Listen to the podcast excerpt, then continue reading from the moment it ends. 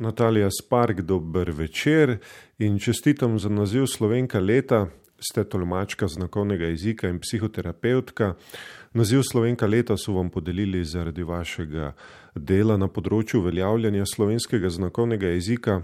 Občutek imam, da vaše delo ni le poklic, ampak je poslanstvo, saj je s tolmačenjem povezano veliko truda, osebne zauzetosti, pa tudi reševanja različnih izzivov in stisk, ki spremljajo gluho skupnost. Poslanstvo pa ima običajno tudi predzgodbo. Vaša starša sta gluha. Najprej, kako ste vi prvič spregovorili ali kretali, če je znakovni jezik vaš materni jezik? Ja, dober večer vsem skupaj. Hvala lepa za to uvodno predstavitev. Res je, moja starša sta gluha, oziroma mama je oglušela pri devetih mesecih, in je bilo to prelingvalna gluhota, kar pomeni pred razvojem govora. Oče pa je oglušel pri štirih letih, kar pomeni, da je njegov govor bil že razvit, postlingvalna gluhota, kar pomeni tudi, da sem z očetom lahko laže komunicirala v oralni obliki, se pravi z govorom. Pa vendar, ker je bila mama gluha, je v naši družini komunikacija potekala v znakovnem jeziku. Tako da pravzaprav jaz se sebe spomnim čisto od majhnega, da je moj govor bil govor z rokami, zato da smo lahko v družini bili vsi polnovredno vključeni in da je mama bila enako vredna vsem nam. Tako da zdaj, kaj pravzaprav je moj materni jezik, težko povem. Um, jaz mislim, da sem kar usporedno oba razvijala, ker definitivno se spomnim že čisto kot majhne deklice, uh, da sem uporabljala znakovni jezik, um, seveda ta širša okolica, širša socialna okolica, pa seveda za govorom jezik sestavlja strukture našega mišljenja. Kako ste vi razvijali svojo jezikovno zavest ali ste mogoče opazili kakšne razlike med vami in vrstniki, ki niso imeli gluhih staršev? Sama tega nisem opazila, moram pa reči, da se je širša okolica bala za me, v smislu, bom rekla, strokovnjakov kot vzgojiteljev, pa kasneje v šoli, ali bom sploh znala pravilno govoriti, še večji strah pa je bil, ali bom znala pravilno pisati.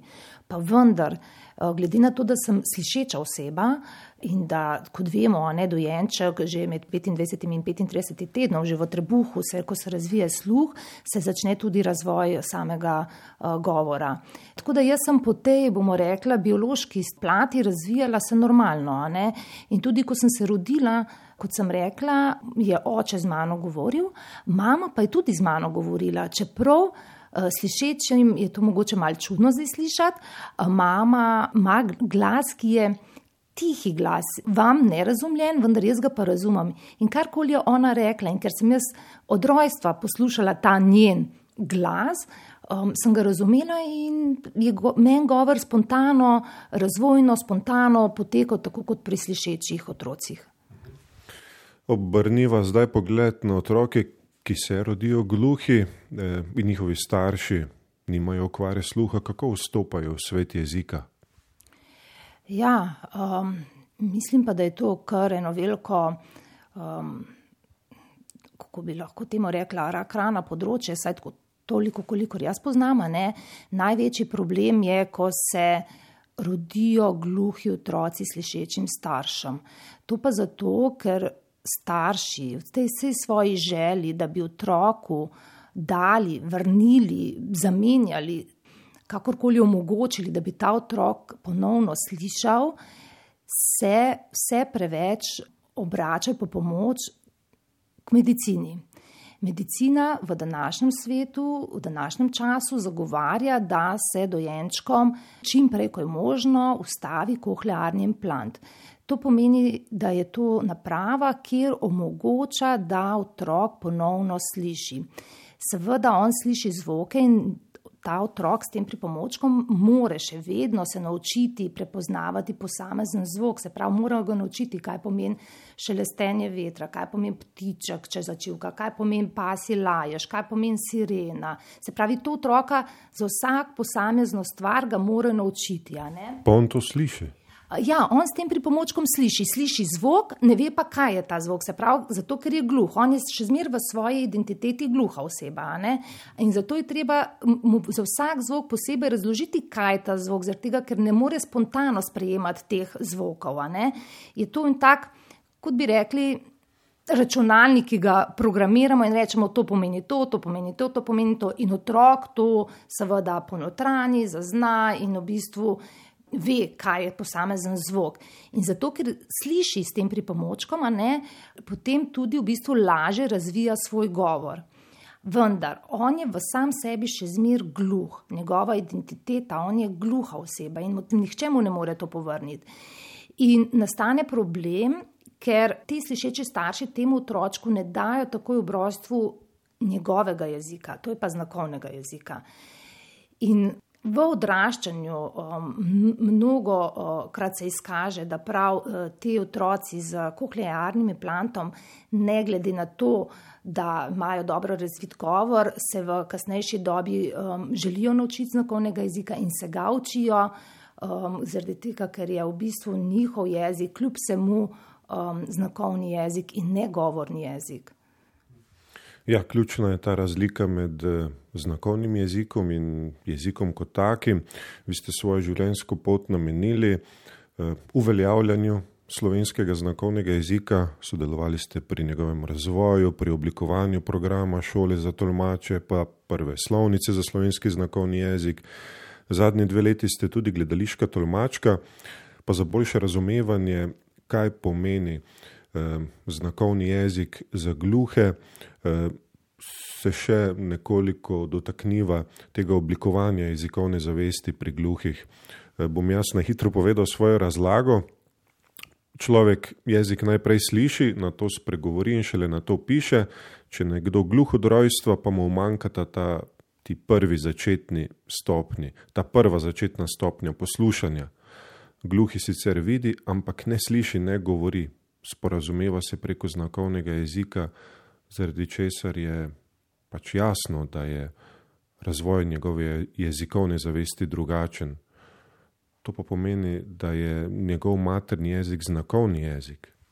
Drži, zelo lepo ste to povedali, tudi lepo, lepo ste um, naslikali, uh, kako poteka ta uh, razvoj uh, govora, oziroma pri gluhih otrocih pride do manjka tega razvoja. Uh, drži, kot sem že prej rekla, ne, se v bistvu razvoj sluha začne že v trebuščku, nekje med 25 in 35 tednom, pri slišečih, a ne eh, otrocih, pri gluhih tega ni. In v bistvu otrok že v trebuhu zaznava različne glasove. Gluh otrokček, oziroma če tisti dojenček v trebuščku, tega ne. In potem, ko se otrok rodi, vemo, da že pri zgodnjih nekaj mesecih začnejo blebetati, medtem ko gluh otrok tega ne more narediti. In seveda potem naprej do samega razvoja prvih besed, nekje pri 8-9 mesecih. Gluh otrok spet tega ne more narediti, da ne govorimo potem o prvih stavkih, besedah, besednih zvezah, ki gluh otrok spet tega ne more narediti.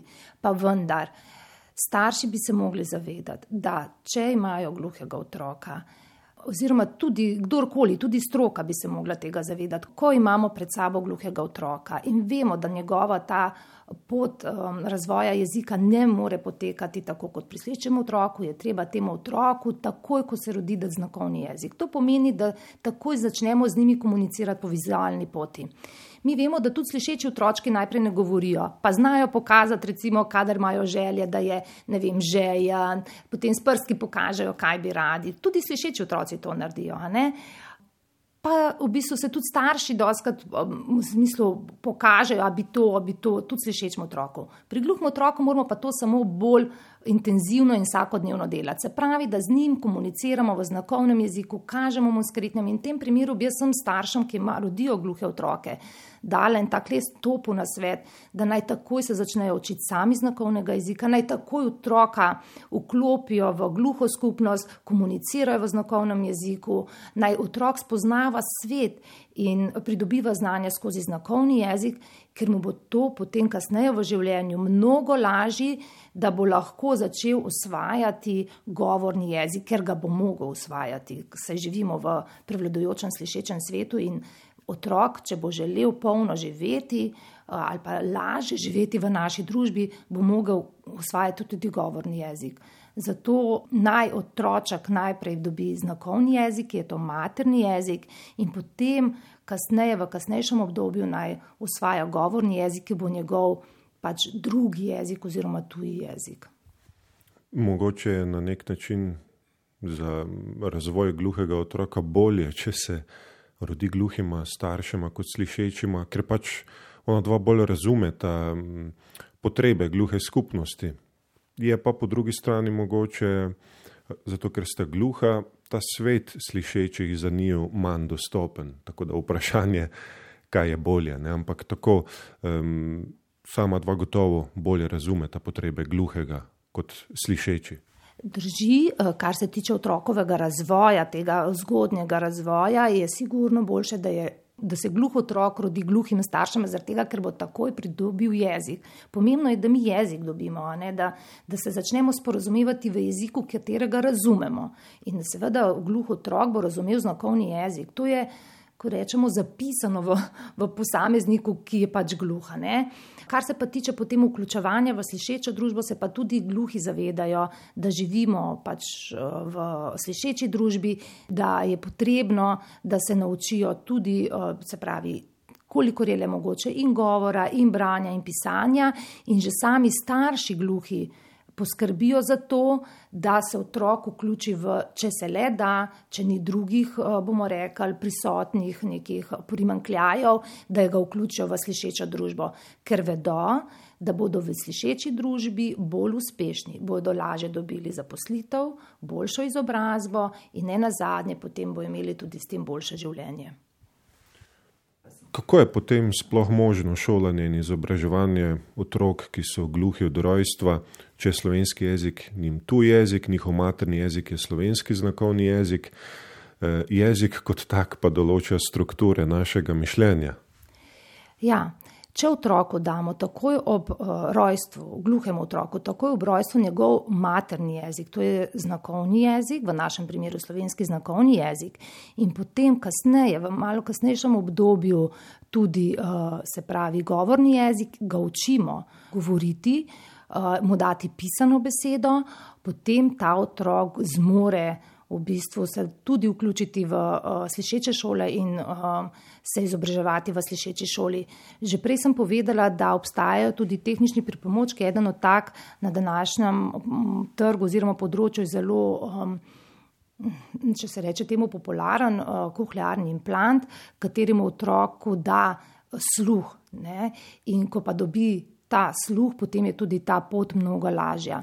Po drugi strani pa imamo tudi tri šolske eh, centre za gluhe otroke, kateri v bistvu so um, sami strokovnjaki um, na področju gluhote in tudi učitelji um, učijo v znakovnem jeziku oziroma je prisoten tolmač. Tako da um, lahko otrok tudi gre v ta eden izmed teh šolskih centrov, pa vendar opažamo, da se starši um, raje odločajo, da gluhega otroka integrirajo v slišeči svet, tvegajo določene travme pri otroku, kot da so v zavodu, ker menijo, da je uh, zavod.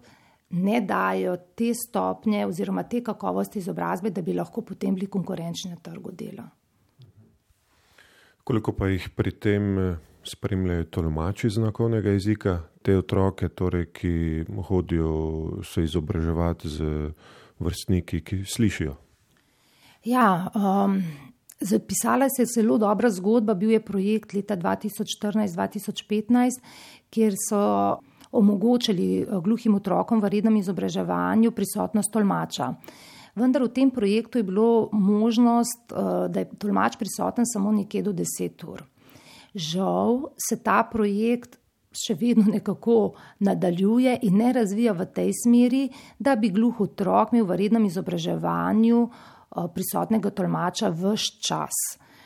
Zdaj, če zlagam primerjavo, um, to pomeni tako, kot da bi slišeči otroci v razredu imeli prisotnega učitelja do 10 ur na teden, vse ostalo bi se pa sami učili.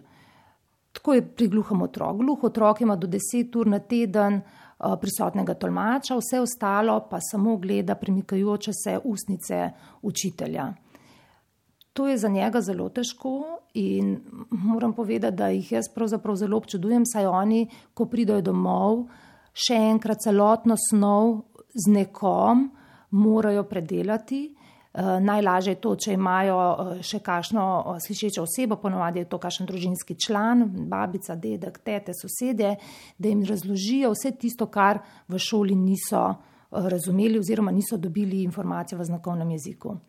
Zato bi na tem mestu jaz rada povedala um, oziroma podarila, da za, mi trenutno imamo v um, zavodih 122 gluhih otrok, to so zavodski otroci, se pravi, ki obiskujejo zavod. Tam je poskrbljeno za tolmačenje v znakovni jezik oziroma učitelji vladajo znakovni jezik. Kar se pa tiče um, otrok, ki obiskujejo redno uh, izobraževanje, pa jih je le de, trenutno, kot po znanih podatkih, le devet dijakov. Se pravi, govorimo o devetih otrocih, kateri bi potrebovali stalno prisotnost tolmača v njihovem izobraževalnem procesu. Ta številka se mi pa ne zdi tako velika, da jo ne bi zmogla država ali pa odločevalci spremeniti tako, da bi tem otrokom omogočili polno razumevanje pouka. Kakšno rešitev zagovarjate vi oziroma Zveza gluhih in naglušnih Slovenije, da gluhi otroci hodijo v te zavode, ki so namenjene samo gluhim otrokom ali da hodijo v te šole, ki jih obiskujejo slišeči vrstniki? Ja, um, glede na to, da sami gluhi starši povedo, da um, je um, podajanje izobraževanja oziroma uh, zahtevnost uh, znanja v zavodih na preniskem ni, nivoju in da njihovi otroci uh, ne pridobijo takih znanj, da bi potem lahko bili konkurenčni na trgu dela oziroma bi se lahko upisali na fakultete. Potem bi v bistvu noče imeti otrok v zavodih, sami starši to povejo, noče imeti in jih raj daje v integracijo. V integraciji pa dobivajo ta znanja na taki, v takem nivoju oziroma na taki meri, da lahko potem konkurirajo na, se pravi, da lahko grejo na fakultete oziroma dobivajo boljša delovna mesta, vendar tam pa riskirajo, um, tako kot sem že povedala, travme. Ti otroci na nek način so še vedno socialno izključeni. Uh, dobijo znanje, definitivno, čeprav nimajo tolmača uh, stalno prisotnega, imajo pa to socialno travmo, kar pomeni, da v bistvu, kadar so odmori, kadar so ekskurzije, kadar ne vem, se neka šala pove v razredu je ta gluhi otrok vedno izključen, ker ne more slediti tej dinamiki. Tudi, recimo, ne na zadnje, če rečemo pri telovadbi, ni, ne more se vklopiti, glavno zaradi jezika. Ne. Je le gluha oseba in otroci um, govorijo, se pogovarjajo, je nek vrvež in temu gluha oseba ne more slediti. Tako da zdaj izbrati kaj, starši raje izberejo to integracijo da otrok v slišečem okolju pridobiva znanje, ker je to posledično za njegovo kariero boljše. Jaz pa bi rekla tako. Jaz bi, mi imamo odličen zavod, imamo strokovnjake noter, imamo učitelje, ki vladajo znakovni jezik, imamo učitelje, ki razumejo gluhoto, razumejo kulturo, razumejo njihovo identiteto, gluhe skupnosti. In jaz bi ta zavod spremenila tako, da bi slišeče otroke povabila v ta zavod. Se pravi, da bi, bil, da bi, bila, da bi se slišeči želeli izobraževati v tem zavodu, ker bi dobili nova znanja, spoznavali drugačno kulturo, eh, se pravi, bi dobili mogoče več empatije, sprejemanje drugačnosti, um, lahko bi bolj. Kakovostno zaživeli, ob tem, da se zahteva takšno znanje, kakršnega se dobi v slišečih šolah. Ja, zanimivo temo ste s tem odprli. Mislim, da bi potrebovala še eno oddajo eh, ravno na to, kar ste povedali. Natalija Spark, vse dobro vam želim pri vašem delu in hvala za ta pogovor. Hvala tudi vam in srečno. O drugih izzivih gluhe skupnosti, ki jih ni malo, pa mogoče v drugi oddaji. Gostja je bila slovenka leta 2020, Natalija Spark, tolmačka znakovnega jezika in psihoterapeutka. Odajo sem pripravil Aleksandr Čobec, hvala za pozornost in srečno. Jezikovni pogovori.